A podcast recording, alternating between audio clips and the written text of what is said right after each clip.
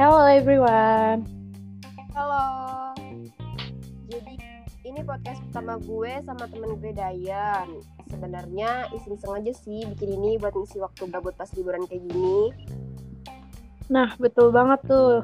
Kayaknya buat episode pertama ini, kita perkenalan dulu aja kali ya. Jadi sebelumnya, nama gue Dayan Faira, umur gue 17 tahun, dan gue sekolah di salah satu SMA Jakarta Timur.